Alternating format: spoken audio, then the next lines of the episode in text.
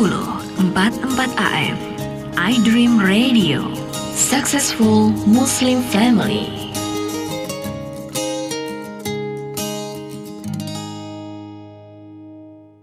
Asyhadu an la ilaha illallah wa la syarikalah wa asyhadu anna Muhammadan abduhu wa rasuluh la nabiyya ba'dah. Hadirin para pendengar iDream di mana saja berada. Semoga sampai saat ini kita diberi kesehatan, diberi nikmat iman, nikmat sehat, dan semoga kita akan terus sehat, insya Allah dengan izin Allah Subhanahu Wa Taala. Pada kesempatan kali ini, topik kita adalah peran puasa dalam peningkatan iman dan imun. Kita tahu bahwa puasa adalah satu kewajiban yang disyariatkan oleh Allah Subhanahu wa taala kepada manusia sejak zaman dahulu kala dan menjadi syariat dari berbagai agama samawi maupun berbagai ajaran atau aliran kepercayaan yang ada. Jadi sebetulnya puasa bukan sesuatu yang aneh bagi manusia, bahkan bagi makhluk hidup di luar manusia. Hadirin sekalian, Allah Subhanahu wa taala berfirman dalam Al-Qur'an, A'udzubillahi minasyaitonirrajim, Ya ayyuhalladzina amanu kutiba alaikumusiyam kama kutiba alal ladzina min qablikum la'allakum tattaqun. Wahai orang yang beriman, telah diwajibkan kepada kamu berpuasa sebagaimana diwajibkan kepada umat-umat sebelum kamu agar kamu bertakwa. Dalam ayat ini terkandung makna bahwa puasa itu memang sudah sejak dulu diwajibkan atau disyariatkan kepada manusia termasuk kepada umat Nabi Muhammad Shallallahu Alaihi Wasallam. Tujuan utama dari puasa adalah agar membentuk membentuk insan bertakwa. La'allakum tattaqun. Pada akhir ayat berikutnya Al-Baqarah 184 Allah menutup ayat tersebut dengan satu ungkapan. Wa antasumu khairul lakum in kuntum ta'lamun. Dan berpuasa itu lebih baik bagi kamu kalau kamu tahu. Hadirin sekalian sahabat Radio iDream yang dirahmati Allah berpuasa kita akan tinjau dari berbagai aspek. Aspek pertama adalah bagaimana berpuasa bisa meningkatkan kualitas keimanan seseorang. Pada saat orang berpuasa, terutama puasa wajib di bulan Ramadan, yang seharusnya diikuti pula oleh saum-saum sunnah yang diajarkan oleh Rasulullah SAW, beragam saum sunnah, ada saum sunnah Sya'ban seperti di bulan ini, ada saum sunnah Senin Kamis ada ayam mulbit setiap tanggal 13, 14, 15 Hijriah. Ada saum Arafah, ada saum Muharram dan seterusnya. Banyak sekali sebetulnya saum-saum sunnah yang disyariatkan dalam ajaran Islam. Dan tujuan utama dari saum ini adalah membentuk insan bertakwa. Bagaimana seorang mukmin diajarkan untuk muraqabatullah, untuk merasakan pengawasan Allah yang terus-menerus. Bagaimana seorang mukmin di bulan Ramadan diajarkan untuk berinfak, untuk qiyamul atau sholat tarawih, untuk mengeluarkan zakat dan berbagai amal kebajikan yang lainnya, untuk tilawah Al-Qur'an. Bahkan banyak sekali para ulama salaf yang di bulan Ramadan menghentikan kajian-kajian hadis dan fokus kembali kepada Al-Qur'an. Dalam satu riwayat Imam Syafi'i rahimahullah pernah menghatamkan Al-Qur'an selama 60 kali di bulan Ramadan. Dengan aktivitas ibadah ritual yang seperti ini, tentu saja keimanan seorang mukmin akan meningkat pesat. Ibarat baterai atau aki yang dicas kembali dan di saat itulah keimanan yang meningkat luar biasa ini memberi dampak ketenangan, memberi dampak ketentraman kepada kehidupan seorang mukmin. Hadirin sekalian, pada kondisi puasa disertai dengan beragam amal soleh, kita mendapatkan kualitas keimanan yang tinggi. Kita senantiasa merasakan pengawasan dari Allah Subhanahu wa taala. Kita senantiasa merasakan bahwa Allah Subhanahu wa taala dekat dengan kita. Dan itu sebetulnya esensi dari kehidupan manusia ketika dia merasa dekat dengan Tuhannya.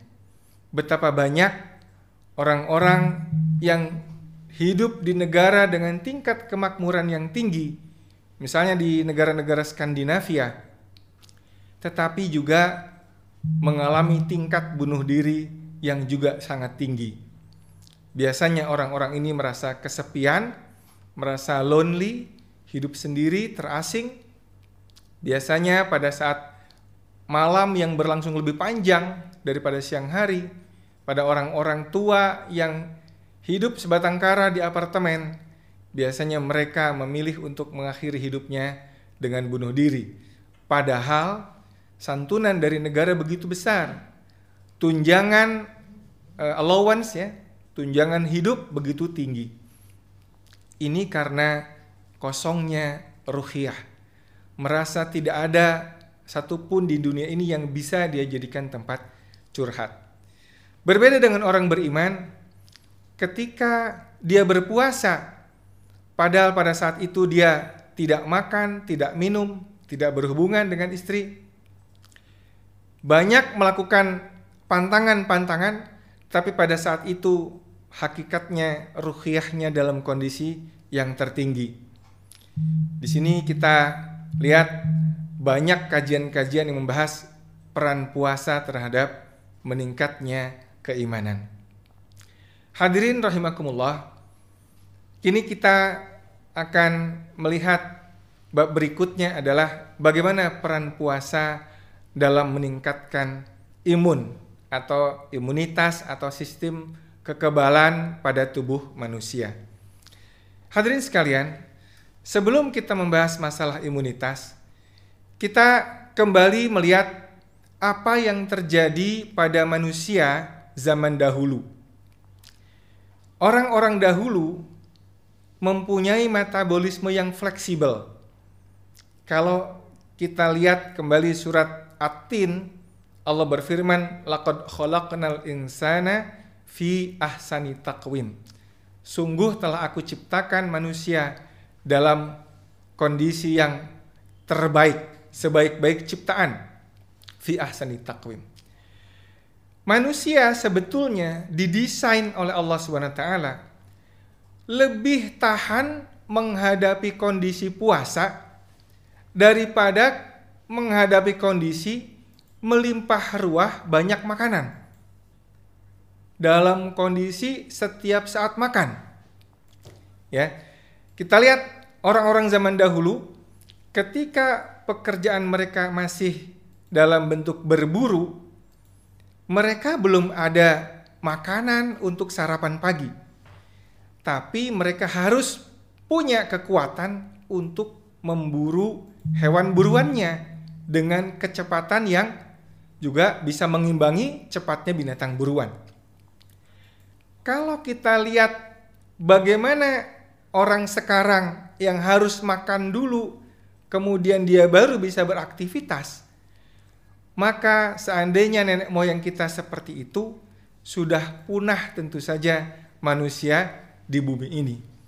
Karena itu, tadi sudah disebutkan bahwa manusia sebetulnya didesain lebih tahan atau lebih enjoy, lebih bisa beradaptasi terhadap kondisi puasa daripada kondisi berlebihan makanan. Mengapa? Karena sebetulnya manusia punya metabolisme yang fleksibel. Dia bisa menggunakan energi dari makanan yang disantapnya, terutama dalam bentuk gula yang disimpan dalam bentuk glikogen di dalam hati, yang jumlahnya kira-kira 100 gram saja. Artinya ada cadangan kalori di glikogen kita di hati kita sebesar 400 kalori. Sisanya cadangan kalori itu disimpan dalam bentuk jaringan lemak di dalam tubuh kita. Orang-orang dahulu bisa secara mudah mengakses cadangan lemak di dalam tubuh kita pada saat puasa atau pada saat beraktivitas. Jadi, ketika cadangan glikogen habis, mereka dengan mudah switch ya, ganti bahan bakar ke bahan bakar lemak. Oleh karena itu tidak heran mengapa orang-orang dahulu berpuasa tapi tetap kuat berburu, berlari, mencari makan, ya. Kemudian ketika sudah dapat makan itu pun tidak bisa langsung dimakan, mesti dibakar dulu, ya. Dan seterusnya diolah dulu, dibawa pulang menunggu tempat yang aman, mencari tempat aman dari sergapan binatang buas, dan di situlah kemudian dia baru bisa makan. Jadi kondisi antara makan dan puasa ini saling berganti, ya, saling bergantian sepanjang manusia itu hidup. Dalam salah satu jurnal di New England Journal of Medicine yang terbit Desember tahun lalu, di sini disebutkan bahwa sebetulnya kunci rahasia kesehatan manusia dan daya tahannya terhadap penyakit adalah ketika dia bisa fleksibel dalam menggunakan dua bahan bakar ini, bahan bakar gula dan bahan bakar lemak dengan metode berpuasa. Nah, di sini kita akan melihat bagaimana peran puasa itu sebetulnya membuat metabolisme kita menjadi fleksibel yang memudahkan kita untuk mudah mengakses bahan bakar lemak yang ada di dalam tubuh kita. Hadirin sekalian, kalau kita hitung berapa cadangan kalori yang bisa disimpan oleh seorang manusia, kita hitung cadangan glikogen di dalam hati kita hanya sebesar 100 gram saja. Artinya, kalau 1 gram glukos menghasilkan kalori 4 kalori, maka hanya sekitar 400 kalori yang ada dalam gliko, di, dalam glikogen yang bisa diakses cepat.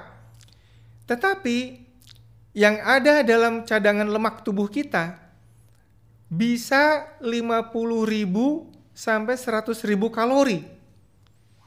Kalau seorang manusia butuh 1.600 kalori sampai 2.000 kalori per hari, maka dia sebetulnya bisa tanpa makan ya tentu saja butuh minum dia bisa hidup selama 50 hari tanpa makan ya hanya butuh cairan saja. Rekor dunia yang ada adalah 282 hari orang berpuasa tanpa makan hanya mengandalkan cairan dan elektrolit jadi di sini kita bisa lihat bahwa sebetulnya ketika manusia itu fleksibel bisa mengakses bahan bakar lemak di dalam tubuhnya, maka di saat itulah dia bisa leluasa bergerak dan tidak tergantung dengan makanan yang harus masuk ke dalam mulutnya. Hadirin rahimakumullah, yang akan kita bahas berikutnya adalah bagaimana sebetulnya peran puasa terhadap imunitas kita khususnya di saat pandemi COVID-19 ya yang disebabkan oleh SARS-CoV-2. Ya. Kita lihat bahwa 80% orang yang tertular COVID-19 ini bergejala ringan atau tanpa gejala. Sekitar 15% dia bergejala sedang dan dia butuh perawatan di rumah sakit, butuh oksigen. Sekitar 5 persennya mengalami gejala berat yang butuh perawatan ICU dengan ventilator. Jadi kita perlu bertanya, bagaimana caranya kok ada 80% manusia yang terinfeksi COVID tapi tanpa gejala atau gejalanya ringan. Sementara ada sisanya yang 20% sisanya bergejala sedang sampai berat. Bahkan ada 3 sampai 5% atau lebih tergantung dari tata laksana di fasilitas kesehatan yang ada itu bisa meninggal dunia. Jadi sebetulnya sistem kekebalan manusia itu harusnya ketika dia optimal bekerja, dia sanggup untuk melawan infeksi COVID ini. Bukan hanya infeksi ini, tapi juga infeksi-infeksi lain berupa virus dan bakteri yang ada di alam ini. Mengapa? Karena ini adalah salah satu sunatullah di dalam alam bahwa manusia itu dibekali dengan seperangkat sistem kekebalan tubuh atau sistem imun yang sangat canggih. Jadi kalau kita bayangkan, hadirin sekalian, sistem kekebalan manusia itu ya, dimulai dengan sistem kekebalan primitif yang sudah ada di mukosa hidung kita, di mulut kita, di sepanjang saluran pernafasan kita, di sepanjang saluran pencernaan kita, di kulit kita, di rambut kita, ya, itu ada sistem pertahanan tubuh primitif atau innate immunity. Innate immunity ini ya adalah respon pertahanan cepat yang dia bisa segera eh, menghadapi lawannya, tapi levelnya adalah level sederhana. Ya levelnya biasa inflamasi. Oleh karena itu kalau kita e, misalkan kita tertusuk benda tajam ya itu kan akan merasakan nyeri ya. Hangat, panas, nyeri ini merupakan respon inflamasi. Ya, respons awal merupakan pertahanan tubuh kita terhadap gangguan yang masuk ke dalam tubuh kita.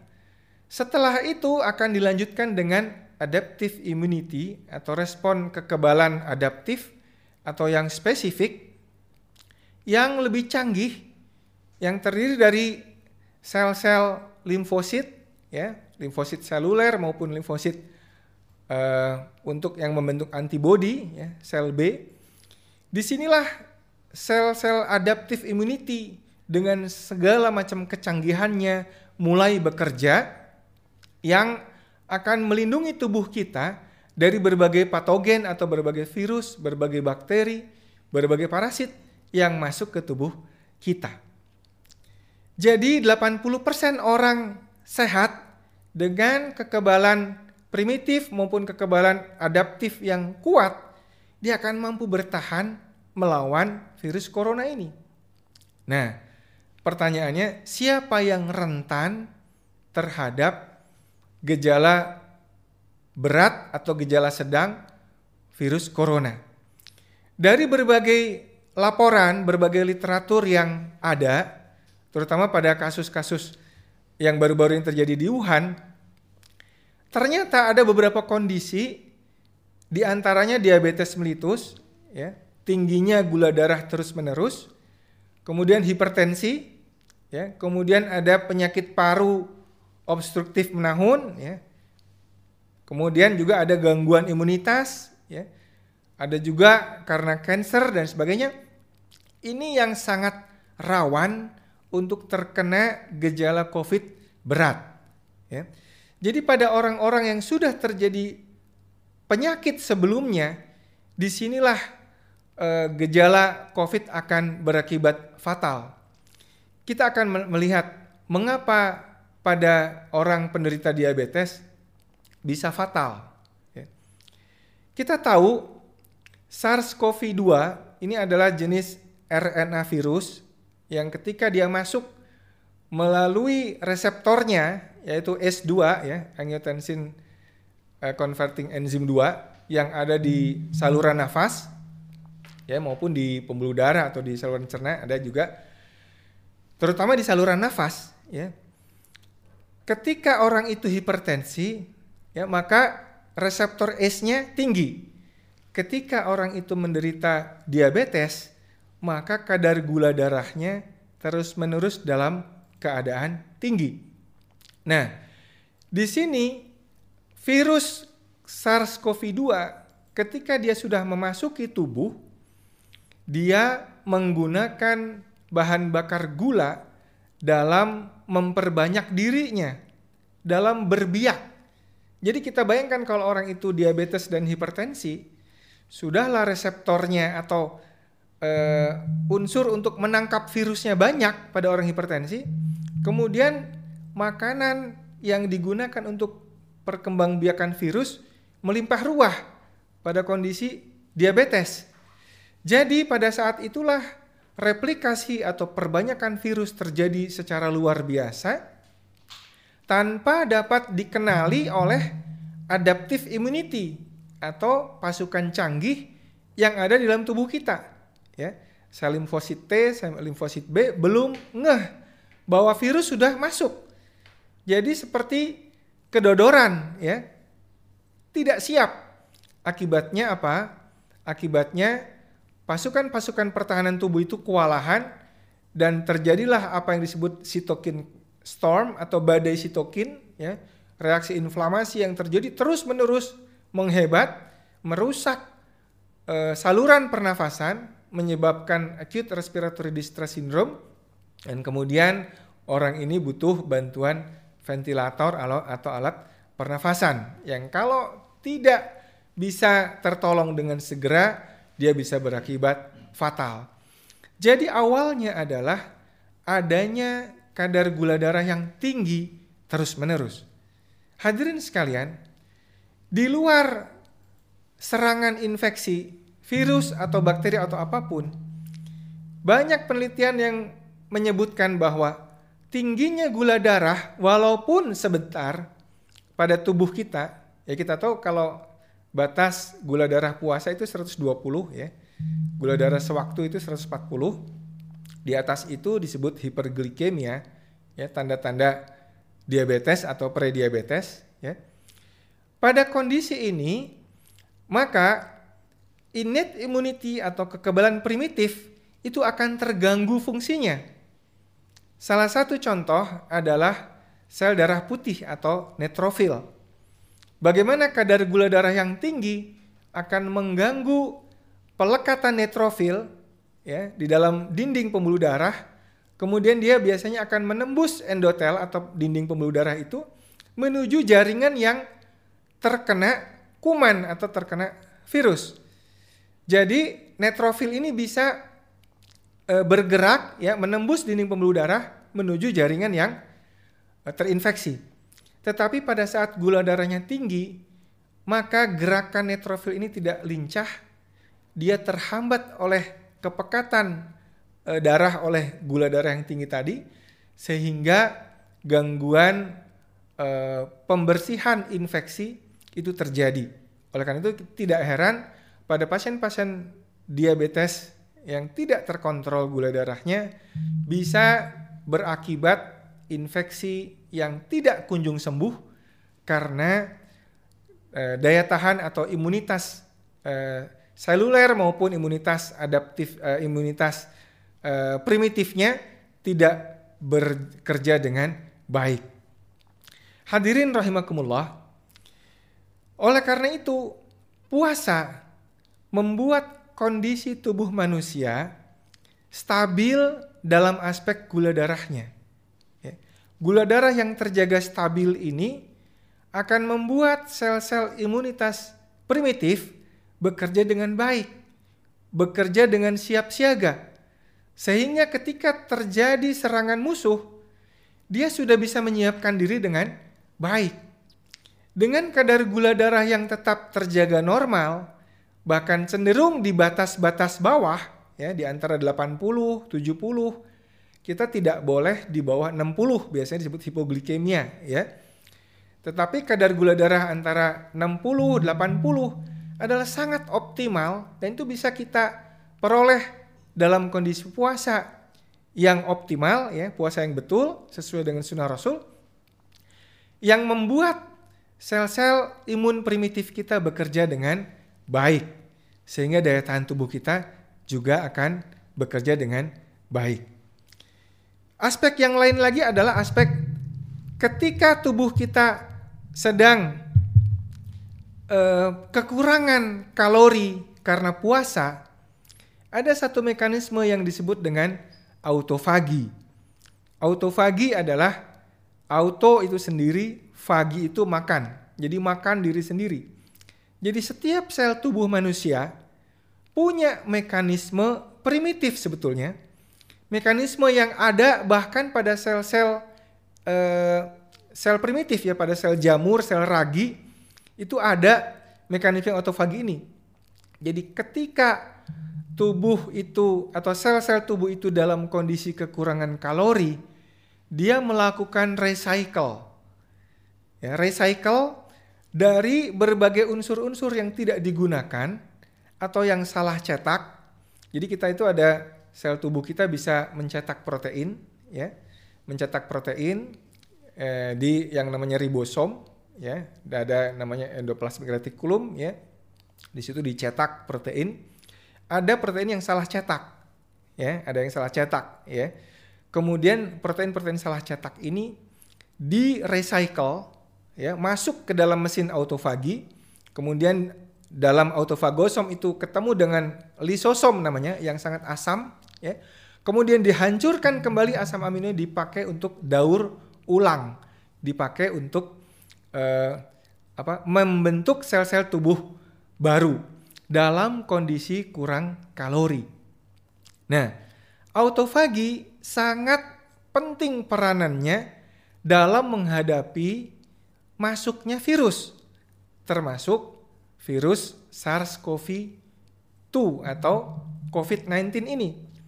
Jadi pada kondisi tubuh ketika dia sedang puasa, ketika gula darahnya normal atau bahkan ada di batas bawah di batas bawah normal ya terjadi mekanisme autofagi ini ketika virus itu masuk dia langsung disambut oleh autofagosom dan kemudian dihancurkan oleh lisosom pada saat itulah hancuran dari eh, virus ini ya hancuran dari protein virus ini kemudian dipresentasikan kepada eh, sistem adaptif ya yang berupa limfosit seluler maupun uh, limfosit yang membentuk antibodi ya untuk bersiap-siap.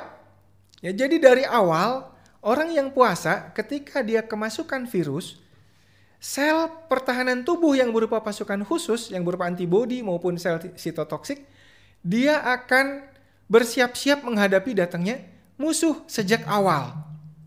Nah, di sini pentingnya autofagi tadi ya menghancurkan virusnya, kemudian juga dia e, menyiapkan seperangkat sel pertahanan tubuh untuk e, mengusir virus itu atau menghancurkan virus itu dan tidak memberi, menimbulkan penyakit pada tubuh manusia.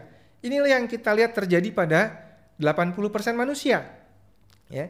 Tapi pada saat gula darah yang terus-menerus tinggi, maka gula darah ini dimanfaatkan betul oleh virus untuk memperbanyak diri dan dia membajak sel tubuh manusia yang dia masuki, katakanlah sel di dalam saluran pernafasan manusia itu sendiri dan kemudian dia memperbanyak diri terus-menerus tanpa kendali dan menyebabkan lumpuhnya sel-sel pertahanan adaptif atau adaptive immunity yang ditandai dengan rendahnya kadar limfosit pada pemeriksaan darah eh, orang-orang yang mengalami penyakit eh, apa pneumonia karena COVID-19 ini.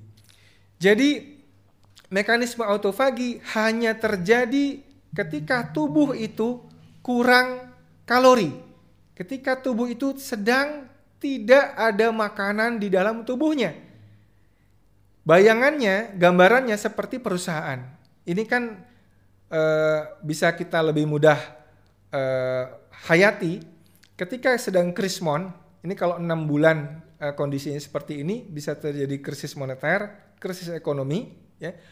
Apa yang dilakukan oleh perusahaan-perusahaan adalah melakukan perampingan, melakukan efisiensi. Karyawan-karyawan yang kurang berprestasi atau karyawan-karyawan yang sudah tua dianjurkan untuk segera pensiun, karyawan yang tidak berprestasi kemudian dianjurkan untuk PHK ya. Dan yang disisakan hanya karyawan-karyawan produktif yang bisa tetap bikin survive perusahaan. Nah, tubuh kita jauh lebih cerdas ya dari perusahaan yang sedang krismon tadi. Ya, tubuh kita jauh lebih cerdas. Jadi, dia akan melakukan daur ulang terhadap aneka sel atau aneka protein tubuh yang sudah tua, yang tidak terpakai lagi, dan kemudian direcycle, dibentuk sel-sel baru yang masih muda, masih segar, dan berfungsi dengan baik. Di situlah rahasia bagaimana puasa bisa menyebabkan awet muda karena sel-sel tubuh yang tua di recycle. Ya. Karena sel-sel imunitas yang tua di recycle. Jadi sel-sel imun kita tetap dalam kondisi segar ketika kita melakukan puasa dengan cara yang benar. Ya. Tentu bukan puasa selamanya ya. Bukan puasa panjang yang kemudian bisa membuat kita juga jadi lemah tetapi puasa selang-seling dengan periode makan, ya, puasa makan, puasa makan, ini adalah salah satu eh, kondisi ideal ya manusia ketika terjadi autofagi, tapi kemudian juga terjadi eh, produksi kembali protein protein tubuh yang terjadi pada saat kita makan, tidur, dan istirahat. Jadi harus ada keseimbangan antara dua kondisi tadi ya. Satu hal lagi adalah ketika kita e, berpuasa ya itu terjadi stres pada tubuh kita. Kita tahu bahwa kondisi stres dia akan membuat e, manusia yang mengalami stres akut itu baik untuk apa? Untuk sparing partner. Ya. Orang dulu kalau stres akut ya. Misalkan ada hewan buas, dia cepat lari ya, flight atau fight ya. Kalau hewannya dia bisa berantem, dia berantemin. Tapi kalau nggak bisa dia lari ya. Stres akut ini bagus untuk mengaktifkan sel-sel imunitas juga. Ya. Tetapi problem manusia modern adalah stres yang berkepanjangan. Ini hati-hati pada masa pandemi Covid ini jangan sampai kita fokus pada stres berkepanjangan karena saking takutnya kita ketularan oleh virus. Yang harus dilakukan oleh seorang mukmin adalah ikhtiar maksimal. Kita lakukan physical distancing, kita pakai masker ya, yang tenaga kesehatan kita pakai uh, eh, APD yang proper, APD yang betul ya. Tapi setelah itu kita juga harus menjadi tuan rumah yang buruk bagi COVID ini. Jangan sampai kita jadi tuan rumah yang disukai oleh COVID-19, oleh SARS-CoV-2. Jangan sampai kita menjadi tuan rumah yang oh apa ya? yang baik, yang memper, mempersilahkan virus ini berkembang biak dengan leluasa. Dengan apa? Dengan cara gula darah kita dibiarkan tinggi. Ya, jadi Di sinilah peran puasa, karena dengan puasa yang baik dan benar itu akan membuat autofagi terjadi, mempertahankan kadar gula darah tetap dalam kondisi normal, ya bahkan agak-agak mepet-mepet di bawah. Di situlah eh, segala kebaikan pada tubuh manusia itu akan terjadi. Nah, pertanyaannya sekarang kenapa umat muslim sering puasa tapi sering juga yang terkena diabetes? Ya kan? Sering saum tapi sering terkena diabetes. Ini adalah penyakit manusia modern karena kekeliruan dalam memilih jenis nutrisi yang dimakan oleh dirinya. Hadirin sekalian, ketika orang-orang Asia zaman dulu, orang-orang Cina, orang-orang Korea, orang-orang Indonesia, ya, sebelum Western food masuk, ya, sebelum makanan-makanan Barat masuk, kita punya makanan tradisional, ya, kita punya makanan yang kaya dengan serat, lalapan, ya, ada nasi, ada lalapan, ada ikan dan seterusnya. Tapi begitu aneka fast food dengan aneka soft drink masuk, ya kita lihat sekarang ada mungkin lebih dari 100 jenis minuman ringan yang tinggi kadar gulanya. Ya, aneka jenis makanan yang banyak mengandung gula dan tepung yang ketika kita makan ini akan menyebabkan kadar gula darah terus menerus tinggi. Ya kita tahu tadi bahwa tingginya gula darah akan menurunkan efektivitas dari sel imun kita. Jadi ketika orang itu selalu makan, apalagi makannya tiga kali makan besar, dua kali snack, ya nanti di tengah malam dia makan juga, ah, jadi enam kali makan sehari, tidak pernah ada episode puasa di dalam tubuhnya. Sehingga kadar gula darah yang tinggi terus menerus ini akan menyebabkan Eh, gangguan imunitas kita, terutama saat menghadapi pandemi COVID yang berbahaya bagi orang-orang yang punya daya tahan yang rendah. Ya, jadi mungkin di sini eh, nyambung antara puasa dan imun. Ya, kalau puasa dan iman tadi sudah eh, banyak ustadz-ustadz yang bisa menjelaskan. Pada kesempatan kali ini mungkin saya lebih banyak membahas puasa dan imunitas kita. Satu hal lagi, kadar gula darah yang tinggi terus-menerus menyebabkan insulin itu juga tinggi terus-menerus. Kita tahu bahwa hormon insulin adalah satu hormon yang bertugas untuk memasukkan gula darah ke dalam sel-sel tubuh kita. Tapi insulin juga ada batas maksimal kemampuan kerjanya.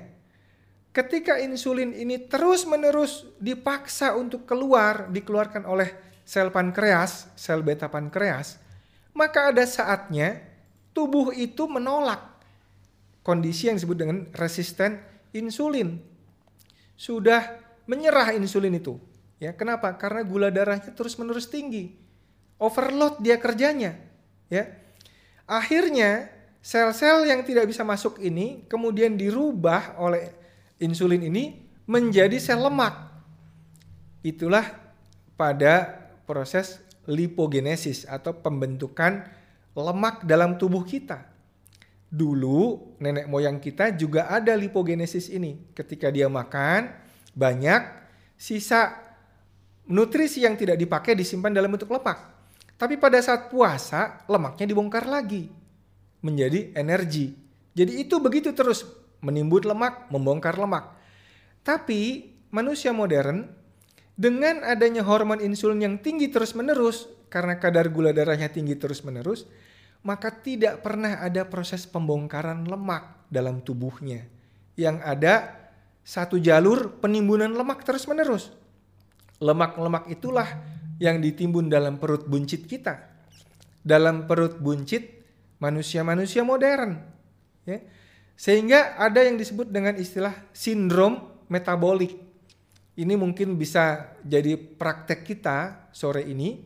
Ada lima kondisi sindrom metabolik. Kalau tiga di antaranya positif, berarti kita sudah kena sindrom metabolik. Pertama, lingkar perut. Ya, lingkar perut laki-laki Asia untuk laki-laki ya. Kalau di atas 90 cm itu sudah positif untuk wanitanya di atas 80. Tapi sebetulnya ada ukuran yang lebih objektif adalah rasio atau perbandingan antara lingkar perut dibanding tinggi badan kita itu maksimal harusnya 0,5. Eh, nanti ini bisa kita praktekkan berapa lingkar perut kita dibagi tinggi badan kita. Kalau masih 0,5 ke bawah, artinya kita masih normal insya Allah.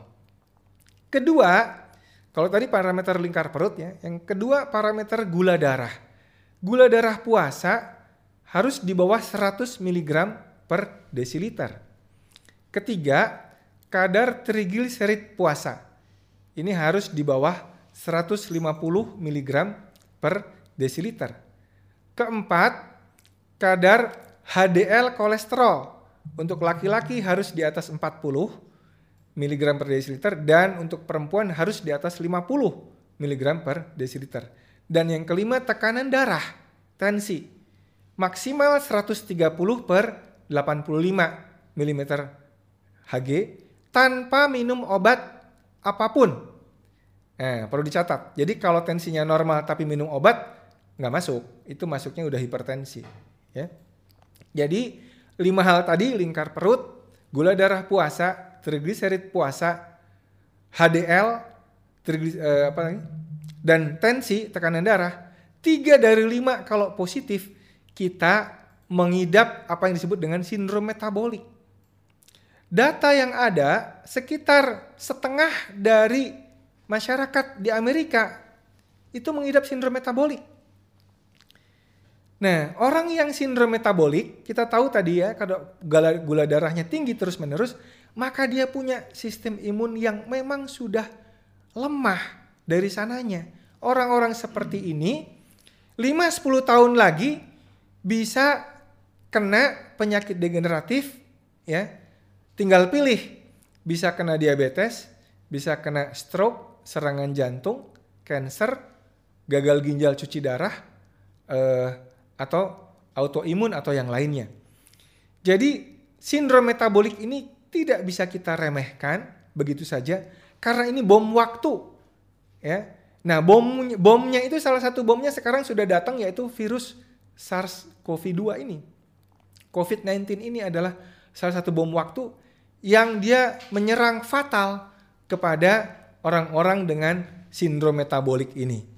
Oleh karena itu, hadirin sekalian, kaum muslimin di mana pun berada, mari kita manfaatkan bulan puasa ini untuk mengembalikan sistem imunitas kita menjadi kembali optimal ya dengan jangan lupa menjaga agar gula darah selalu dalam batas normal dan tidak mengalami lonjakan. Bagaimana caranya? Satu dengan puasa, kedua dengan memilih nutrisi yang tidak banyak mengandung karbohidrat langsung serap atau refined carb atau karbohidrat yang langsung bikin gula. Ya yaitu tepung-tepungan ya. Uh, biasanya makanan olahan snack-snack yang sudah rapi di packing pabrik itu biasanya termasuk jenis ini karbohidrat olahan ya. Perbanyak uh, sayuran hijau ya. Perbanyak protein hewani ya kalau misalnya makan karbohidrat pilih yang indeks glikemiknya yang rendah. Ya, seperti misalkan beras merah atau eh, apa? kentang rebus ya, bukan kentang yang sudah diolah menjadi crispy-crispy yang sudah jadi snack itu. Itu tinggi kadar glikemik indeksnya. Ya. Jadi dengan cara-cara seperti itu mudah-mudahan kita bisa. Satu yang lain hal yang lain lagi yang juga penting adalah satu eh, olahraga ya. Jadi jangan sampai ketika kita hidup dalam masa self isolasi ya eh, dalam masa physical distancing, diam di rumah aja, terus kita apa? Kita kerjanya ngemil, nggak ada gerak, tidur melulu. Nah, ini juga berbahaya. Karena apa? Karena olahraga itu juga membuat glikogen kita habis. Jadi kita bisa switch seperti puasa, uh, switch ke bahan bakar lemak ya. Kemudian penting tidur yang cukup, jangan banyak begadang dan memiliki hati yang tenang. Jadi hati yang tenang, yang optimis, yang selalu bersandar kepada Allah Subhanahu wa taala, ini perannya sangat besar dalam meningkatkan imunitas kita. Jadi iman berhubungan dengan imun. Keimanan yang tinggi meningkatkan imunitas kita. Walaupun sunatullah tetap berlangsung di alam ini. Artinya bukan berarti begini, ah saya beriman tinggi, nggak apa-apa saya sholat Jumat sekarang ini di masa di musim wabah ini. Saya sholat Jumat aja karena keimanan saya tinggi. Sunatullah tetap berlaku, ya. Wabah akan tetap menyebar pada kegiatan-kegiatan perkumpulan, sekalipun itu di masjid, ya. Hatta sampai umroh pun ditunda, ya. Haji pun kita nggak tahu haji seperti apa nanti, ya. Bisa jadi ditunda. Ya, kenapa? Karena saking pentingnya mencegah penyebaran wabah ini supaya apa? Supaya 20% orang tadi yang sudah sindrom metabolik tadi tidak sakit berat dan 5 persennya tidak meninggal karena serangan COVID ini.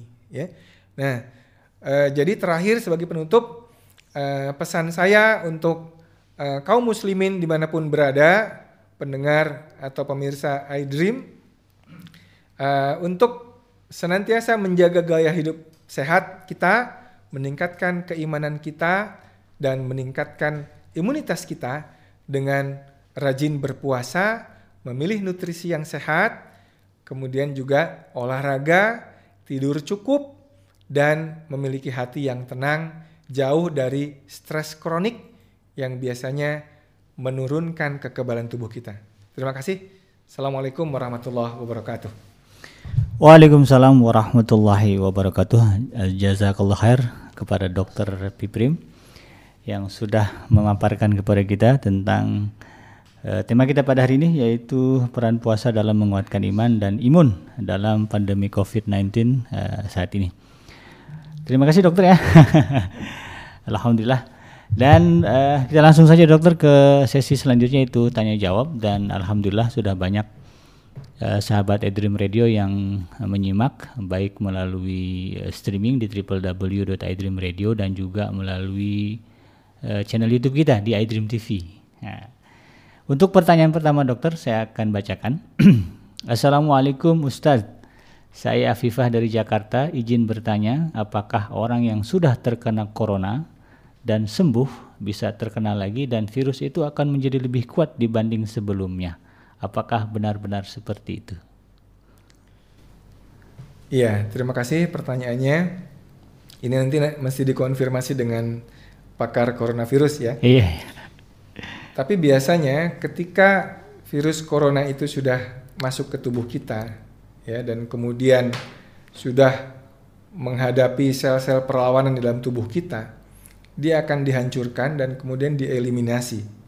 Ya antibodinya bisa jadi positif, tapi swabnya negatif. Jadi swab itu adalah e, pemeriksaan e, di tenggorok ya atau di hidung yang untuk membuktikan masih ada nggak virusnya. Tapi kalau antibodi itu menunjukkan bahwa kita pernah terinfeksi dan tubuh kita sudah membuat antibodi untuk melawan virus itu. Itu. Jadi antibodi positif belum tentu swabnya negatif. Yeah. Makanya orang yang menularkan itu yang swabnya yang positif, ya. Jadi itu saya kira uh, apakah virus yang sudah ada di dalam tubuh itu bisa aktif lagi? Bisa. Ketika sel-sel imunitas kita mengalami penurunan, mm, yeah, ya. Yeah. Ketika kita stres, kita kurang tidur, ya, atau kita tadi gula darah kita tinggi lagi, ya sel-sel yang tadinya dorman, uh, virus yang tadinya dorman uh, atau tidur atau melemah, dia bisa aktif kembali. Oleh karena itu tetap dijaga uh, apa gaya hidup sehat yang seharusnya kita kerjakan uh, apa dalam apa kontinu ya, tidak temporer. Itu Baik, mudah-mudahan uh, pertanyaan tadi yang diberikan bisa terjawab ya. Dan insya Allah nih sahabat ibu sekalian, walaupun kita dibatasi oleh waktu, uh, harapan saya adalah harapan saya adalah semoga semua jawaban yang diberikan oleh Dr. Piprim pada kesempatan kali ini bisa mengcover uh, seluruh pertanyaan dari sahabat Edream Radio karena memang kalau berbicara menjawab pertanyaan ini banyak sekali. Itu tuh kita tidak akan bisa menjawab semua, kita akan pilih uh, mana yang pertanyaan sesuai dengan tema. Dan mudah-mudahan uh, apa pertanyaan yang senada juga bisa kita gabungkan begitu. Baik dok, kita beralih ke pertanyaan selanjutnya. Assalamualaikum, uh, saya pria 48 tahun, berat saya tidak pernah lewat dari 55 kg, tinggi 172, sehingga tampak kurus. Alhamdulillah tidak ada keluhan penyakit, makan tidak banyak Apakah dalam tubuh saya terjadi salah cetak seperti yang penjelasan dokter tadi sehingga berat badan saya tidak bisa bertambah? Apa yang semestinya saya lakukan untuk memperbaikinya? Saya juga hobi bulu tangkis. Jazakallah. Tafadhol, Dok. Ya. Terima kasih. Jadi manusia ini memang uh, yang gemuk pingin kurus, yang kurus pingin gemuk ya. uh, baik, buat Siapa tadi, Pak? Uh, Pak aduh ini dari Solo. Dia tidak sebut nama tapi oh, katanya pria. Iya, uh. baik. Buat uh, Bapak yang pingin gemuk ini. Uh. Jadi solusinya bukan banyak makan. Ya. Oke. Okay. Ya. Kalau kita banyak makan, maka nanti yang gemuk adalah penimbunan lemak. Hmm. Nanti buncit duluan. Biasanya kalau bapak-bapak ya, itu sangat tidak sehat. Ya tapi bagaimana meningkatkan e, berat badan kita adalah dengan memperbanyak otot. Makanya olahraganya tipe olahraga resisten training. Resisten training itu olahraga beban ya dengan barbel atau melakukan gerakan-gerakan seperti squat ya, push yeah. up, pull up ya, plank. Ini olahraga-olahraga yang e, membentuk otot. Sehingga nanti uh, dia tidak kurus lagi tapi ototnya berisi. Oh iya iya iya. Nah, jadi Bapak sebenarnya dapat anugerah ini Pak, bukan salah cetak, bukan salah cetak. Ini iya, anugerah yeah, yeah, yeah. karena ketika uh, sehat-sehat aja, badannya kurus-kurus aja, hmm. ya itu biasanya insulinnya sensitif, ya tidak insulin resisten. Jadi tinggal dilengkapi dengan olahraga resisten. Jangan hanya olahraga yang sifatnya aerobik, ya aerobik, jangan hanya aerobik, jangan hanya misalkan kayak bulu tangkis atau maraton ya atau jogging saja itu tidak cukup. Tapi mesti pakai olahraga yang uh, body weight training atau olahraga resisten. Kenapa penting? Apalagi kalau usia sudah 50 tahun ke atas, olahraga, olahraga resisten ini penting karena ketika kita memperkuat otot kita, kita membentuk otot kita bukan untuk seperti aderai, bukan tapi otot yang kuat itu akan melindungi pengeroposan tulang. Jadi tidak mudah tiba-tiba patah kaki, patah tangan pada saat jatuh. Kenapa? Karena ototnya sudah terlatih, yeah. sudah kuat. Dan 50 tahun ke atas, itu secara alamiah kita akan mengalami yang disebut dengan sarkopeni. Hmm. Sarkopeni adalah penggerusan otot karena usia. Dan ini kita bisa minimalkan, ya walaupun tidak bisa kita cegah ya, karena penuaan itu adalah penyakit tidak ada obatnya. Tapi setidak-tidaknya kita bisa uh, perlambat sarkopenianya, penggerusan ototnya dengan olahraga resisten training atau body weight training bisa cari di YouTube ya. Nanti dikerjakan dengan bertahap ya, saya kira itu. Oke, terima kasih dokter. Lanjut dok, wah ini masih banyak nih dok ya. Jadi dibawa santai dulu. Pertanyaan penanya berikutnya adalah Assalamualaikum dokter. Uh, sumber nutrisi apa saja yang dianjurkan untuk banyak dikonsumsi selama berpuasa di masa tanggap wabah COVID-19 ini? Ini penanyanya namanya Anita Anggraini dari Banggai, Sulawesi Tengah. Mungkin bisa dijelaskan juga dokter terkait dengan uh, uh, di, apa makanan yang dikonsumsi ketika sahur atau uh, dan ketika berbuka. Dan ada juga ini yang bingung, salah satu penanya ini sekalian saja saya, yeah. saya uh, ajukan di sini uh, ada anjuran kan makan apa berbuka dengan yang manis-manis. Eh, sementara orang yang tadi eh, yang berpotensi uh, apa namanya terserang eh, terjangkit virus corona dengan apa kondisi yang parah adalah yang diabetes yang punya diabetes gitu. Nah, kira-kira kaitannya seperti apa, Dok? Dan bagaimana menyikapi itu tadi? Makanan apa saja yang uh, sebaiknya dikonsumsi ketika uh, sahur atau juga berbuka? Ya. Silakan, Dok. Iya, terima kasih. Jadi nutrisi ya, masalah nutrisi. Jadi eh, yang bilang berbukalah dengan yang manis itu yeah. bukan hadis ya. Itu iklan teh botol kalau tidak salah. salah satu iklan yeah, yeah, yeah, yeah. minuman soft drink. Betul betul betul. betul Kenapa yeah. dia iklankan seperti itu? Karena produknya adalah minuman manis. Manis, ya. ya. Kalau berbuka dengan suami yang manis, Ah, boleh. Oke, boleh. Dianjurkan. berbuka dengan istri yang manis, silakan ya. Iya, iya, Dok. Tapi berbuka dengan yang manis ini bahaya Oke. bagi siapa? Bagi orang-orang yang sudah kena sindrom metabolik tadi. Oke. Ya. Jadi eh, pilihan nutrisinya seperti apa? Ya kembali ke real food. Gampangnya kalau eh, gampang nih, makanan-makanan yang langsung diciptakan Allah tanpa proses yang pabrikan Ya. itu biasanya aman. Oke. Ya, seperti hewani ya, sumber hewani, sayur hijau ya. Tapi begitu makanan itu sudah diproses ditambah tepung, ya ditambah gula, inilah yang bikin berbahaya karena merangsang gula darah selalu tinggi. Hmm, Gitu. iya. Nah, jadi polanya seperti apa? Misalkan nih, Bapak Ibu sekalian, kalau kita ingin autofaginya maksimal, Iya. ya, eh, itu biasanya autofagi terjadi setelah saum itu 17 jam. Jadi latihannya nih, latihannya, Ya. kalau bisa sahur itu kita coba eh, sahur dengan protein hewani aja coba, dengan sayur hijau. Misalkan telur ya, boleh dua atau tiga ya, dengan sayuran ya, tanpa karbohidrat coba, agar gula darah itu sudah dari awalnya sudah memang normal, tidak Hmm. melonjak. Iya. Dan ketika gula darah tidak melonjak-lonjak, maka di sini kita bisa mengharapkan imunitas kita yang lebih tinggi, Iya. lebih optimal. Ya, jadi eh, sayur eh, sa- sahur dengan sayur ya, buah pun jangan pakai buah yang manis-manis ya. Usahakan buah-buahan yang eh, banyak seratnya ya. Stroberi misalkan ya. Eh, alpukat itu tidak banyak gulanya ya. Timun mungkin ya. Eh, kemudian juga protein hewaninya bisa daging, bisa ikan, yang murah itu hati ayam ya, telur ya.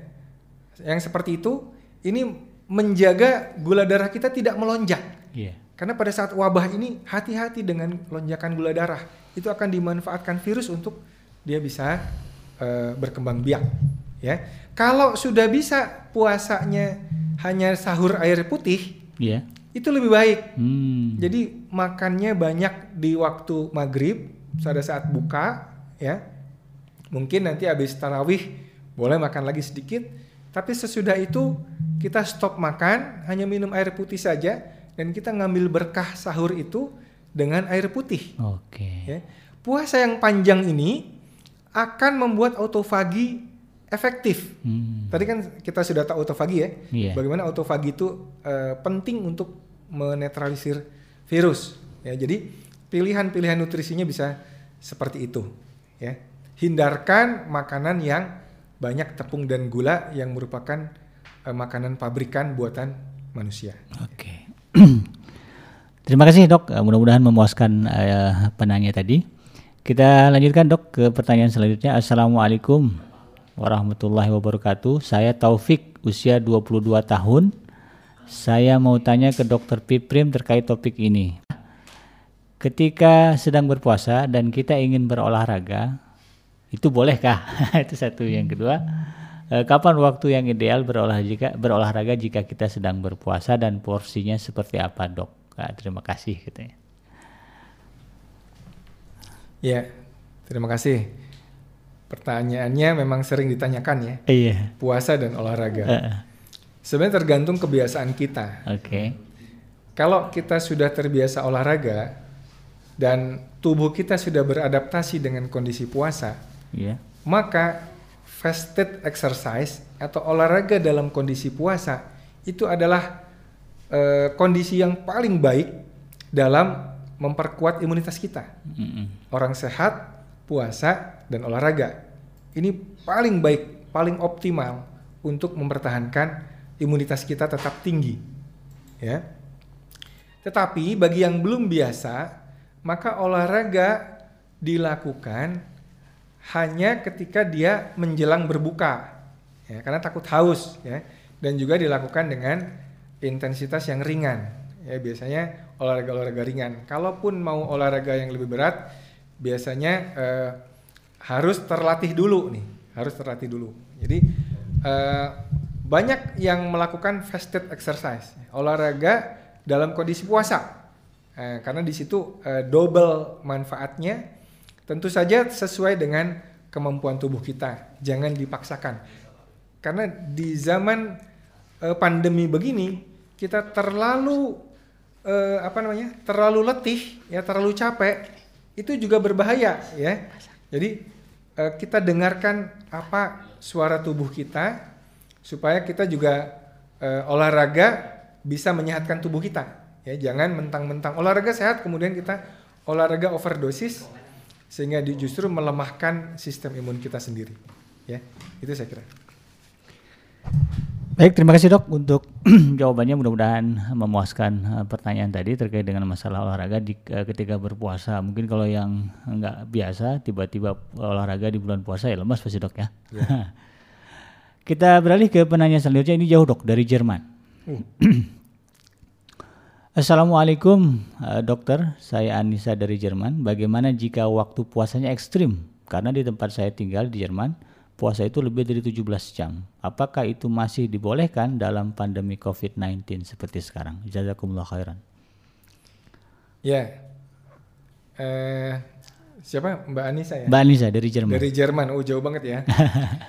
ya, sebetulnya tadi saya sudah katakan ketika manusia itu mampu mengakses energi berupa lemak dalam tubuhnya, ya. Puasa 17 jam itu bukan apa-apa gitu. Ya, Oke. Bukan apa-apa. Ringan aja. Karena bisa berhari-hari dia kuat untuk puasa. Iya kan? Nah, 17 jam itu justru bagus karena setelah 17 jam puasa itu autofagi optimal. Hmm. Autofaginya optimal. Jadi eh, ketika kita puasanya lebih panjang sedikit ya, 17 jam, 18 jam, bahkan kalau kita bisa 23 jam Iya. ya kalau sudah kuat ya, itu autofaginya akan optimal. Ya, akan optimal sehingga nah setelah itu baru kita makan kaya nutrisi. Hmm. Ya. Jadi makanannya juga harus dijaga nutrisi tinggi. Nutrisi tinggi ini bukan kalori tinggi ya. Kalau makanan kalori tinggi itu makanan yang manis-manis Hmm. eh, kayak apa? Eh, minuman boba ya. Boba ya ya. Boba itu dengan topping-topping bisa 1000 kalori ya. Waduh, itu sirupnya banyak. Ya, itu eh, es kepal Milo itu bisa 1000 Sama. kalori. Iya betul. 1000 kalori. Yang manis luar biasa. Itu tinggi kalori tapi miskin nutrisi Masya Allah. miskin nutrisi dan itu diserangi oleh COVID. Dengan COVID. Nah, jadi makanannya apa? Ya makanan yang real food tadi. Iya. Ya. Sayuran, hewani, ya. Itu. Kalau buah yang manis dok seperti durian? Sama aja. sesekali boleh ya. Oh, sesekali. Iya, sesekali boleh. Tapi kalau masalahnya kan manusia modern buahnya terus-menerus ada. Oh iya iya. Ya, iya. kalau nenek moyang kita dulu buah itu kan seasonal atau musiman. Oh iya iya iya. Kalau sekarang kan terus-menerus ada di pasar. Jadi buah manis itu juga sama dampaknya.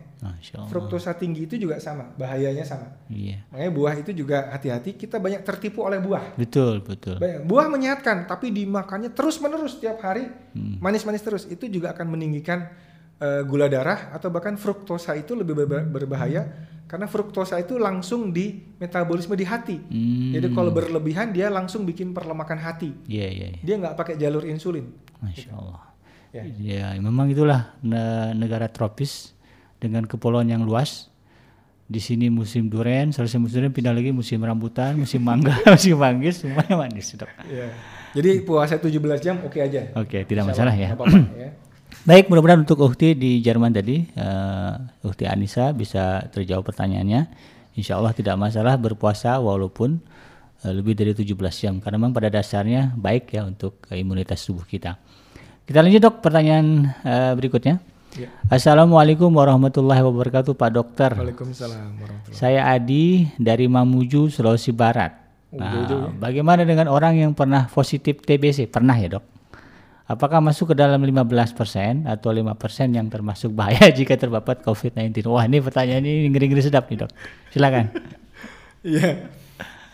Ya kalau TBC sudah diobati dengan baik, ya. ya sudah sembuh, dinyatakan sembuh, ya. Kemudian kalau menjaga eh, gaya hidup sehat, ya tadi sering saum, ya Ya. sering puasa, olahraga juga, ya nutrisinya bagus, kadar gula darahnya juga dijaga normal, ya. Insya Allah eh, seperti orang normal, ya. Tapi kalau lifestyle-nya nggak bagus, lihat aja ada nggak tanda sindrom metabolik tadi. Oke. Kalau ada, hati-hati ya, diperbaiki. Hmm. Ya, diperbaiki. Jadi sering puasa ya, makanannya diubah ya, pola makannya diubah supaya kita hilang sindrom metaboliknya. Oke. Jadi, Jadi insya Allah eh, nggak apa-apa. tidak apa-apa ya. Iya. Jadi nggak usah khawatir. Yang penting eh, imunitas tubuh berbagi aja dok ya. Ya, kalau stres malah turun. Dia mungkin takut tadi hitungannya kan 15 5 persen ngeri juga deh. Baik, eh, mudah-mudahan untuk eh, Ikhwan ini Adi di Mamuju Sulawesi Barat pertanyaan yang dijawab tadi oleh dokter bisa terpuaskan dan semoga eh, sehat selalu ya, nggak usah khawatir. Kita lanjutkan dok ke penanya berikutnya. Assalamualaikum warahmatullahi wabarakatuh. Mau ber- maaf mau bertanya dokter, apakah dengan berpuasa bisa menjadi terapi untuk pengobatan miom atau kanker? Nah, bagaimana prosesnya? Terima kasih. eh, ini saya nggak terlalu paham nih. Oh. Ya. Tapi kalau kanker Ah, itu ada eh, penelitiannya ya. Oke.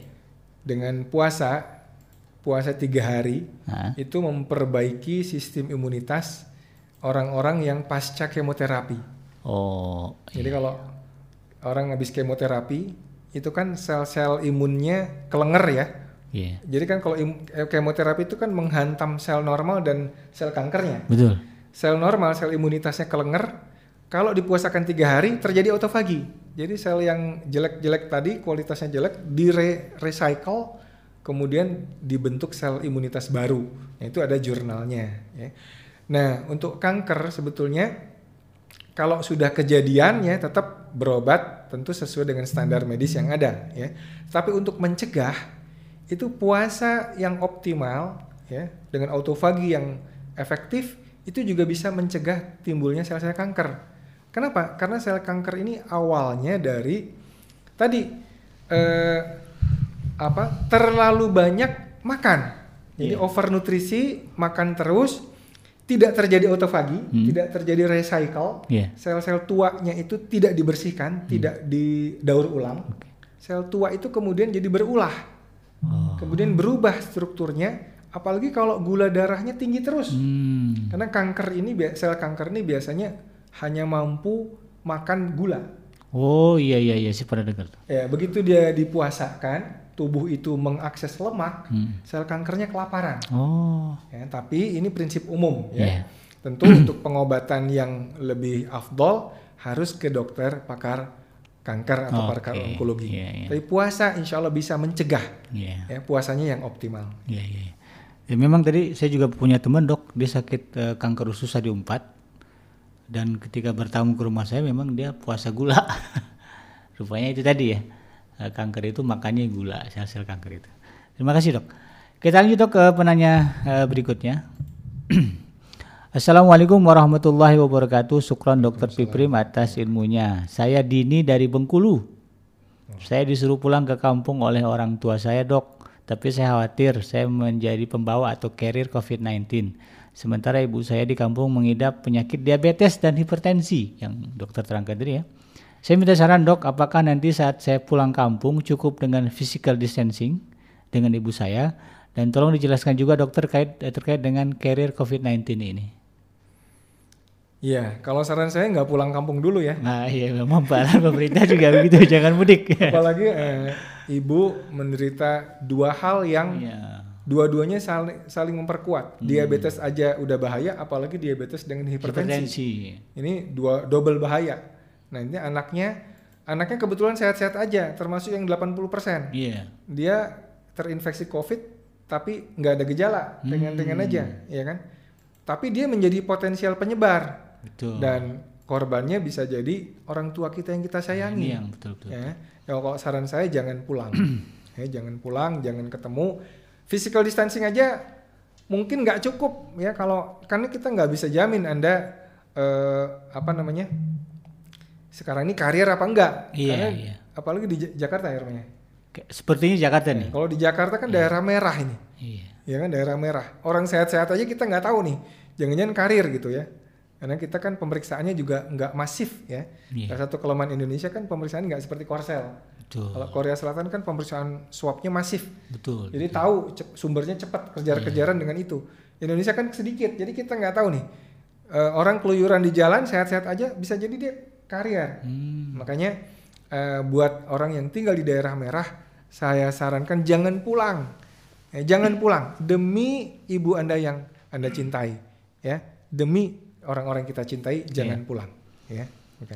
Jadi eh, demikian ya ada ahid, apa Uhti Dini dari Bengkulu. Ah, oh iya tadi tidak pasti juga apa kerja kata bukan. Tapi yang jelas kalau memang daerah eh, tempat eh, Uhti Dini ini adalah zona merah, memang disarankan tidak pulang. Kalau misalnya ibu memaksa juga, ah, ini kan ada ini nih video dari eh, Dokter Pipri menerangkan. Nah di dibawa tuh kasih ke ibu biar dia tahu kan terkait dengan situasinya karena kan beliau diabetes plus hipertensi Ya, double Jadi, risiko. Double risiko. Jadi lebih baik eh, tetap eh, di rumah tidak pulang kampung dan diberikan penjelasan pakai eh, yang dijelaskan oleh dokter eh, Piprim eh, di sesi ini ya. Kita lanjut dok eh, ke perta- pertanyaan berikutnya. Ini pertanyaannya dari eh, mana? Jerman sudah jadi. Oke, ke penanya yang dari ini, eh, dok dari eh, YouTube ini ya, eh, yang sedang lihat eh, live langsung dari kita. Saya ini dari Rahmadani Rahmaini dok. Eh, Bagaimana porsi yang ideal untuk ibu hamil eh, jika mau berpuasa terkait dengan eh, tema kita pada hari ini? Ya, ya. Tadi saya lupa menyebutkan Hmm. bahwa tidak semua kondisi manusia itu ideal untuk berpuasa. Oke. Ya. Di antaranya adalah orang hamil dan anak-anak yang sedang pertumbuhan. Oke. Ya. Oleh karena itu agama kita kan juga memberi ruksoh, Keringanan. memberi ruksoh keringanan. Iya, iya. Ya. Buat ibu hamil, kenapa eh, tidak disarankan eh, berpuasa kalau dia tidak kuat? Ya, karena dia sedang proses pembentukan janinnya itu, ya, sedang Hmm. pertumbuhan janin yang luar biasa cepatnya. Jadi dia butuh suasana eh, apa namanya kaya nutrisi Betul. ya kayak nutrisi. Nah, Iya. kalau puasa kan eh, tanpa nutrisi, Iya. ya kan tanpa nutrisi. Jadi wanita hamil ini tergantung usianya sebetulnya. Iya. Pada saat-saat hamil muda, ketika sedang mual-mualnya, ya, kalau mau mencoba berpuasa, monggo silakan. Tapi jangan lupa pada saat eh, berbuka puasa atau sahurnya, eh, kalori atau nutrisinya dipenuhi dengan baik, karena anda sedang em, apa? Ada nyawa lain di dalam tubuh anda. Jadi makanya buat dua porsi, terutama porsi proteinnya, ya protein hewaninya, ya. Jadi jangan justru dibanyakin cemilan gulanya. ya. Iya, ini ini juga ya. malah berbahaya nih disenangin dengan eh, virus Iya. corona ini ya makanan-makanan ini. Jadi eh, saya nggak tahu hamilnya berapa minggu. ya. Lima, lima bulan katanya dok. Oh lima bulan Iya. ya. Nah lima bulan ini sudah mulai eh, dicoba dulu aja. Eh, kalau kuat monggo silakan. Kalau nggak kuat ada ruksoh dalam agama kita. Hmm. Karena wanita hamil ini dia sedang ada proses pertumbuhan janin yang dia butuh nutrisi. Jadi kalau puasa itu kan sebaliknya, ya puasa itu sebaliknya. Sehingga dengan demikian eh, karena ada ruksoh juga, nanti tergantung dari eh, pribadi masing-masing eh, yang hamil ini. Kalau dia merasa kuat, berat badannya tidak turun ya, berat janinnya di USG eh, pertumbuhan janinnya bagus, monggo silakan. Tapi kalau ada tanda-tanda gangguan pertumbuhan janin, ya jangan ya karena wanita hamil dia sedang butuh nutrisi, Nutrisi. yang banyak. Ya. Jadi tidak apa-apa ya ini untuk Uhti siapa ini? Uhti Rahmadani. Ya. Jadi kalau sedang hamil lima bulan, kalau memang kuat ya silakan untuk berpuasa. Tetapi kalau rasanya tidak kuat, eh, lebih baik tidak puasa dok ya, Ya. karena kan ada rukhsah bagi eh, ibu hamil. Nah. Pertanyaan berikutnya dok masih dari youtuber ini. dari Dedi Supriyadi. Assalamualaikum dok, terima kasih informasinya sangat mengedukasi. Pertanyaan saya adalah, setiap hari pada pagi hari saya mengkonsumsi minyak zaitun, habatus sauda dan madu. apakah yang demikian eh, dianggap berlebihan atau tidak? Terkait dengan imunitas tubuh kita untuk eh, keperluan imunitas tubuh. Ya, saya kira bagus ya. Karena dalam madu itu juga ada eh, zat gula. Mungkin madunya juga jangan terlalu banyak juga. Ya. Se mungkin ya Sendok ya. satu sendok boleh ya. Tapi kalau madunya setengah liter sehari, itu juga gula darahnya bisa tinggi juga ya. Kalau Iya. sekedar untuk imunitas, saya kira oke-oke aja. Tapi sebetulnya nih, kan banyak orang tanya, makan apa untuk eh, meningkatkan kekebalan? Makan apa untuk meningkatkan Iya. kekebalan gitu kan? Ah, ah. Padahal jawabannya adalah pada tidak makan apa-apa. Oh gitu. ya baru tahu juga. Jadi meningkatkan imunitas itu dengan tidak makan apa-apa. Ah, iya. Pada saat nanti dia makan, Ah. baru nutrisinya yang bagus. Oke. Jadi bukan makan ini makan ini bukan. Puasa itu sangat baik untuk meningkatkan kekebalan tubuh. Oke, ya. siap, siap, siap. Tapi dok, kalau gini nih, eh, ini pertanyaan dari saya sih dok sebetulnya. Kalau kita punya orang tua, orang tua itu ada diabetes, ada hipertensi, kemudian usianya sudah sepuh lah gitu. Ini ancamannya COVID juga begitu kan, plus ada dah- ada gula darah, ada diabetes. Nah sementara mereka misalnya memaksakan ingin puasa juga, Eh, sebaiknya gimana dok? Kita tetap ikuti maunya dia puasa atau ikut rukhsah dari agama tidak berpuasa? Ya, ini pertanyaan yang bagus. Pada orang diabetes, Heeh. apakah uh, perlu puasa? Iya, padahal dia Ya, udah boleh sepuh gitu, Iya. kan kasihan juga ngeliatnya gitu. Iya. Nanti coba deh ini buat yang youtuber ya. Hmm. Coba nanti searching Dr. Jason Fang. Dokter Jackson Fung. Jason Fang, Oke. tulisannya Jason Fung. ya. Hmm. Nah ini kan dia banyak tuh videonya tentang bagaimana mereverse atau memperbaiki kondisi diabetes dengan puasa Hmm. dan stop karbo. Stop karbo. Yes. Jadi diabetes yang sudah berat sekalipun, tapi ini tentu dengan ada panduan dokter ya. Hmm. Eh, kalau yang sudah berat, kalau yang masih ringan sedang, puasa dan stop karbo itu bisa mereverse atau mengembalikan kondisi diabetesnya menjadi kondisi normal. Normal. ya. Jadi HbA1c yang tadinya 8, 10 itu bisa di bawah enam setengah. Karena HbA1c itu kan parameter eh, diabetesnya ya. Kalau di atas enam setengah biasanya diabetes. Nah ini eh, mesti hati-hati juga karena ketika dia puasa tapi tetap minum obat untuk menurunkan gula darah dia Hmm. bisa hipoglikemi. Oh iya. Jadi kalau pun nanti mau puasa obatnya apakah dikurangi Hah? atau di stop sama sekali bahkan Oh. kalau gula darahnya tidak terlalu tinggi. Iya iya iya. Dan kemudian mesti dicek gula darah rutin. Oh harus beli alat ya berarti ya? Ya, mesti beli alatnya. Jadi puasa eh, bukan kontraindikasi untuk orang diabetes. Mm-mm. Justru kalau menurut Dr. Jason Fang itu puasa dan stop karbo itu bisa menyembuhkan dalam tanda petik diabetes bahkan yang sudah berat sekalipun tapi dia mesti ada pendampingan dari dokter. Oke. Jadi nggak boleh eh, apa sembarangan juga. Sembarangan juga ya.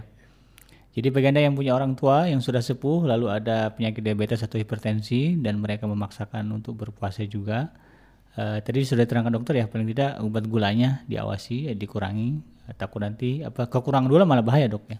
Ya karena kalau puasa tapi dia minum obat untuk penurun gula, dia bisa hipoglikemia. Double ya.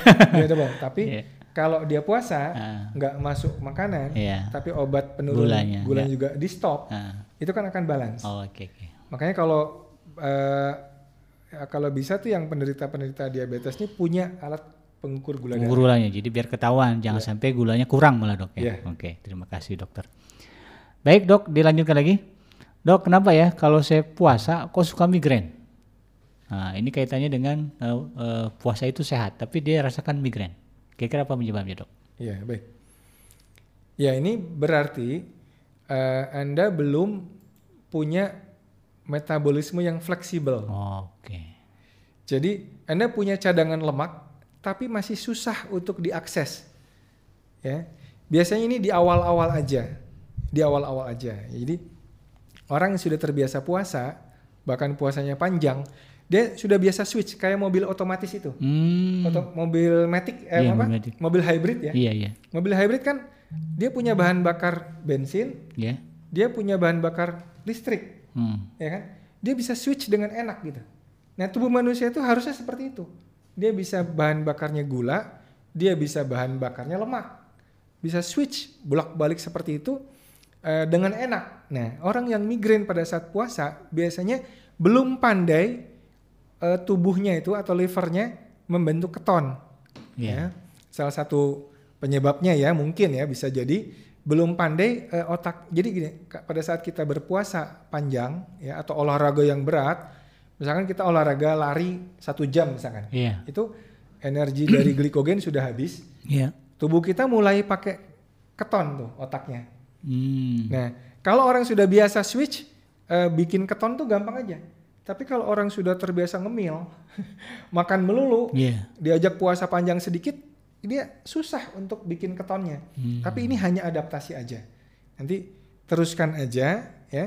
Eh, biasanya dalam waktu 3-4 hari dia sudah terbiasa dan dia bisa adaptasi. Itu yang kita lihat di awal-awal Ramadan kan. Iya iya iya iya. Ya kan? Awal Ramadan kan di siang hari orang pada bergelimpangan di kantor-kantor ya. Iya. Kenapa? Karena Syakbannya nggak pernah puasa. Ah, itu salahnya. Ya, Iya. padahal Rasulullah SAW itu persiapan Ramadan tuh di Syakban. Dari Syaban. Syakban tuh bahkan kata Aisyah kan nggak pernah aku lihat Rasulullah berpuasa sebanyak di bulan Syaban. Syakban gitu. Puasa sunnah. Ya, saya kira ini masih ada 15 hari lagi nih Syakban. Ini hari ke-15 ya. Iya. Masih ada 15 hari. Silakan adaptasinya sekarang.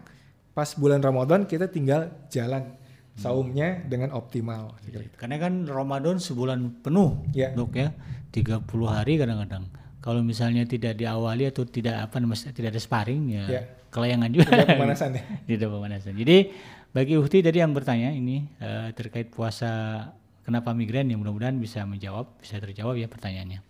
Lanjut dok, nah, ini terkait dengan olahraga nih dok.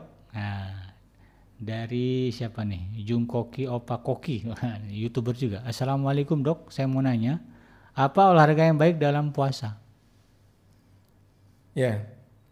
Eh, pada saat puasa tergantung juga ini ya, tergantung Oke. kebiasaannya. Iya. Kalau orang sudah biasa olahraga, ya misalkan se- seperti saya olahraga udah biasa eh, dalam kondisi puasa, saya masih bisa sepedaan ke kantor selama 40 menit ya, Iya. bolak-balik. Puasa sepedaan biasa aja, ya masih bisa push up, masih bisa squat dan sebagainya masih bisa oke-oke aja tanpa eh, gangguan yang berarti. Tapi kalau yang baru itu tentu apalagi nggak pernah olahraga dalam kondisi puasa mau olah, mau olahraga ya kan? Ini kan tentu tergantung kondisi masing-masingnya. Sehingga eh, olahraga apa pada saat puasa? Intinya adalah olahraga yang bukan high intensity interval training. Pada HIIT ini sebaiknya dilakukan tidak pada saat puasa. Ya tapi olahraga-olahraga bodyweight atau resisten yang biasa dengan intensitas yang sedang ya atau ringan sedang itu bisa dilakukan sekedar agar kita tubuh kita tetap bergerak jadi jangan hanya diam saja ya saya kira itu Nah, ini pertanyaan terakhir dok.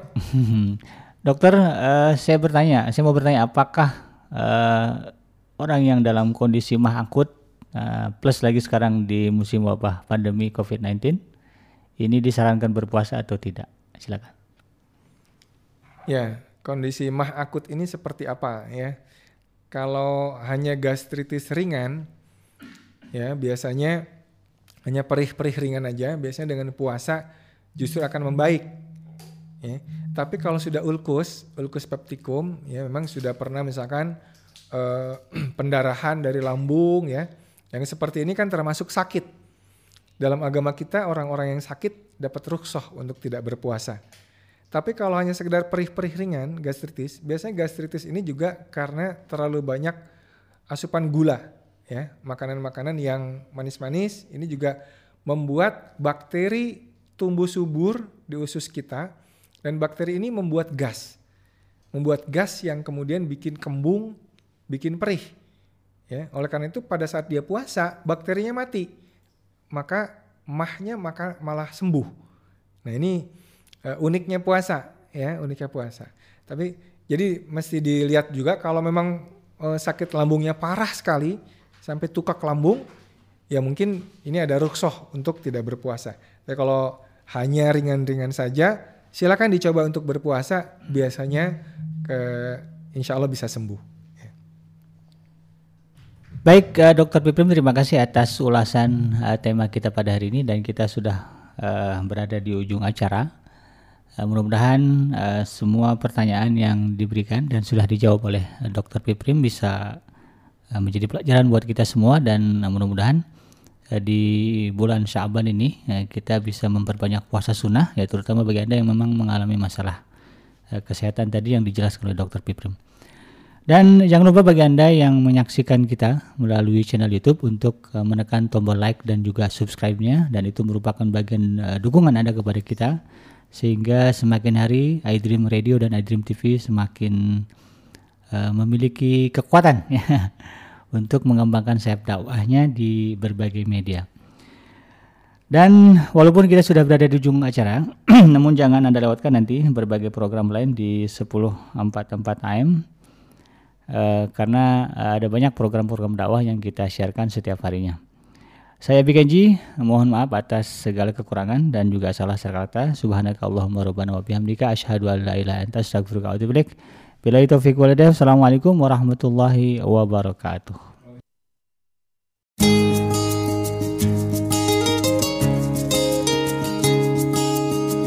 One oh forty four AM. I Dream Radio, Successful Muslim Family. I Dream Radio, Successful Muslim Family.